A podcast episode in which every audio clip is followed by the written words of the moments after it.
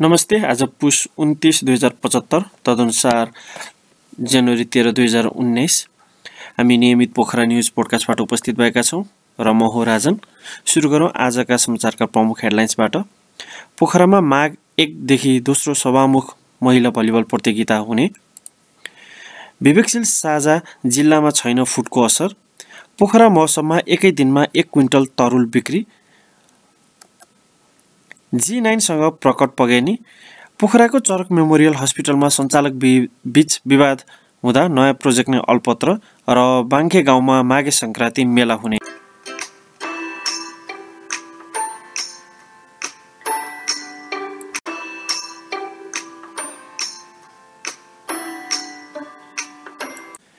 पुस एक गतेदेखि पोखरामा दोस्रो सभामुख महिला राष्ट्रिय भलिबल प्रतियोगिता सुरु हुने भएको छ।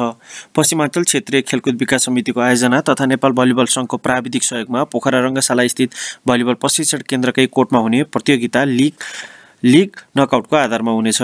दस टोलीले तिन दिन लिग र चौथो र पाँचौँ दिन सेमी फाइनल र फाइनल प्रतिस्पर्धा गर्नेछन्। उद्घाटन खेलमा सशस्त्र प्रहरीको एपिएफ क्लबले प्रदेश नम्बर एकसँग प्रतिस्पर्धा गर्नेछ। गण्डकी प्रदेशले भने घरेलु कोर्टमा उद्घाटन दिनको अन्तिम खेल खेल्दै नेपाल पुलिससँग प्रतिस्पर्धा गर्नेछ। विवेकशील साझा पार्टी का संयोजक मध्येका एक उज्जवल थापा सहित केही केन्द्रीय सदस्यहरूले पार्टी छाडेको भन्दै बकुण्डोलको पार्टी कार्यालयमा पत्रकार भेटघाट चलाइरहेको थियो। विधिवत रूपमा उज्जवल थापाहरूले पार्टी छाडेको जानकारी अर्को संयोजक रविन्द्र मिश्रले गराउँदै थिए। यसले वैकल्पिक शक्ति निर्माणको अभियानमा केही असर गरेको प्रतिक्रिया दिए उनले। यद्यपि कास्कीमा भने सोही समयमा विवेकशील साझा पार्टीका सदस्यहरू अर्कै कार्यक्रममा व्यस्त थिए। विवेकशील साझा पार्टीको फुटको असर जिल्ला स्तरमा भने देखिएन। कास्कीका विवेकशील साझा पार्टीका सदस्यहरू केन्द्रमा पार्टी टुक्रिरहँदा पनि आपसमा मिलेर अन्तर्क्रिया सब अन्तर्क्रियामा सहभागी भइरहेका थिए। उनीहरूसँग सूचनाको हक सम्बन्धी तालिममा सहभागी भएर सो विषयमा जानकारी लिइरहेका थिए। Doctor N. डी. सुवेदीले विवेकशील साझा पार्टी कास्कीका सदस्यहरूलाई सूचनाको हक र हक प्राप्त गर्ने तरिका सिकाउँदै थिए। कार्यक्रममा विवेकशील साझा पार्टीका गण्डकी प्रदेश संयोजक महेश भण्डारी समेत सहभागी थिए।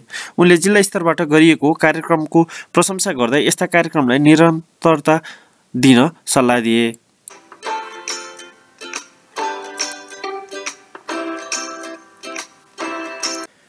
पोखराको अमरसिंह चौरमा जारी पोखरा महोत्सवमा आउने अधिकांश दर्शकहरूले अर्ग्यानिक कृषि उत्पादनका सामग्रीहरू रुचाएका छन्। सहरमा बस्नेहरूले पछिल्लो समय ग्रामीण भेगमा विशुद्ध गाई भैँसीको मलमा उत्पादन गरिएका कृषिजन्य सामग्री उपभोग गर्ने क्रम बढिरहँदा पोखरा महोत्सवमा राखिएको अर्ग्यानिक कृषि उत्पादनलाई महोत्सवमा आउने दर्शकहरूले रुचाएका हुन्। बास्टारी अर्ग्यानिक कृषि फर्म पोखरा पाँच पर्स्याङबाट उत्पादन गरिएका कृषिजन्य सामग्री किन्न मौसममा आउनेहरूको भिड नै लाग्ने गरेको छ। फर्मबाट उत्पादन गरिएका साग कौली बन्दा ब्रोकौली सिमी हिउँदे सिमी आलु लसुन प्याज धनियाँ अदुवा लगायतका कृषिजन्य उपज किन्नेमा किन्नमा मौसममा आउने भिड लागेको मौसम स्थल अर्थ स्थल व्यवस्थापक संयोजक गणेश तिमल सिन्हाले बताए।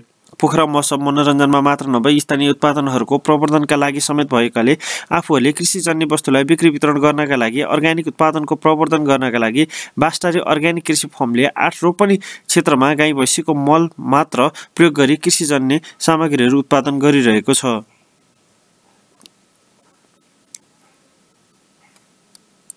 आफ्नो फर्ममा उत्पादन भएका सामग्रीसँगै माघे सङ्क्रान्तिलाई लक्षित गरी घर तरुल वन तरुल र सखरखण्ड समेत बिक्रीका लागि राखिएको छन्। शनिबार मात्र एक किलोको एक सय किलोको हाराहारीमा घर तथा वन तरुल र सखरखण्ड बिक्री गरिएको र उक्त सामग्रीहरू दमौली मुलपानी बन्दीपुर पार्चे हतलुङ्गा लगायतका क्षेत्रबाट ल्याइएको राणा मगरले बताए। सुन्दर पर्यटकीय नगरी पोखरामा साइकल चलाउने नौजना साइक्लिस्टहरूको समूह जी नाइनद्वारा आयोजित जी नाइनसँग प्रकट शनिबार साङ्ग्रिलामा सम्पन्न भयो। सिर्जनाको पनि मूल्य हुन्छ र स्रष्टाको सम्मान गर्नुपर्छ भन्ने उद्देश्यले अग्रजलाई सम्मान र अनुजलाई प्रेरणा दिन जिनाइनले आफ्नो पहिलो प्रस्तुतिमा प्रणय गजलका मानक प्रतिभा प्रकटलाई उभ्याएको थियो। कार्यक्रमका संयोजक निरज थापाले प्रकट पगेनी शिवको परिचय दिए। सयपत्री फुलको माला लगाएर गालामा लगाएर हातमा माइक थमाएर शुभकामना दिन सात प्रकटले उठ्यो रिमै फेवतालमा छाल साँझ पख गजल वाचन गरे। उनले डेढ घन्टामा अठारवटा प्रेम प्रेमिल गजल र आफ्नो रचना गर्व सुनाएर श्रोतालाई लट्ठ पारे। त्रिसठी वर्ष पाएका प्र प्रकटले तप तप जलबिन्दु गजल वाचन गरिरहँदा चालिस कटेकाले वान्स मोरको फर्मस गुन्जायमान गराएका थिए। माया पिरतिर प्रेमिल गजलका सर्जक प्रकटले आफ्नो एकल वाचनको सोह्रौँ श्रृङ्खला चलिरहेको जानकारी दिएका थिए।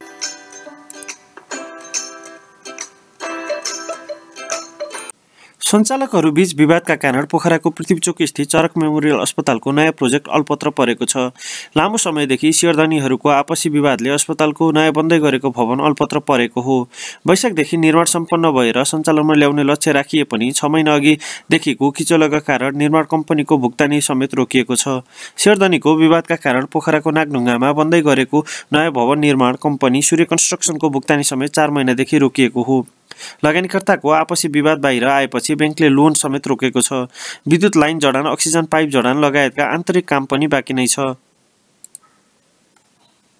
स्याङ्जाको वालिङ तिन बाङ्खेमा माघे सङ्क्रान्ति मेला हुने भएको छ।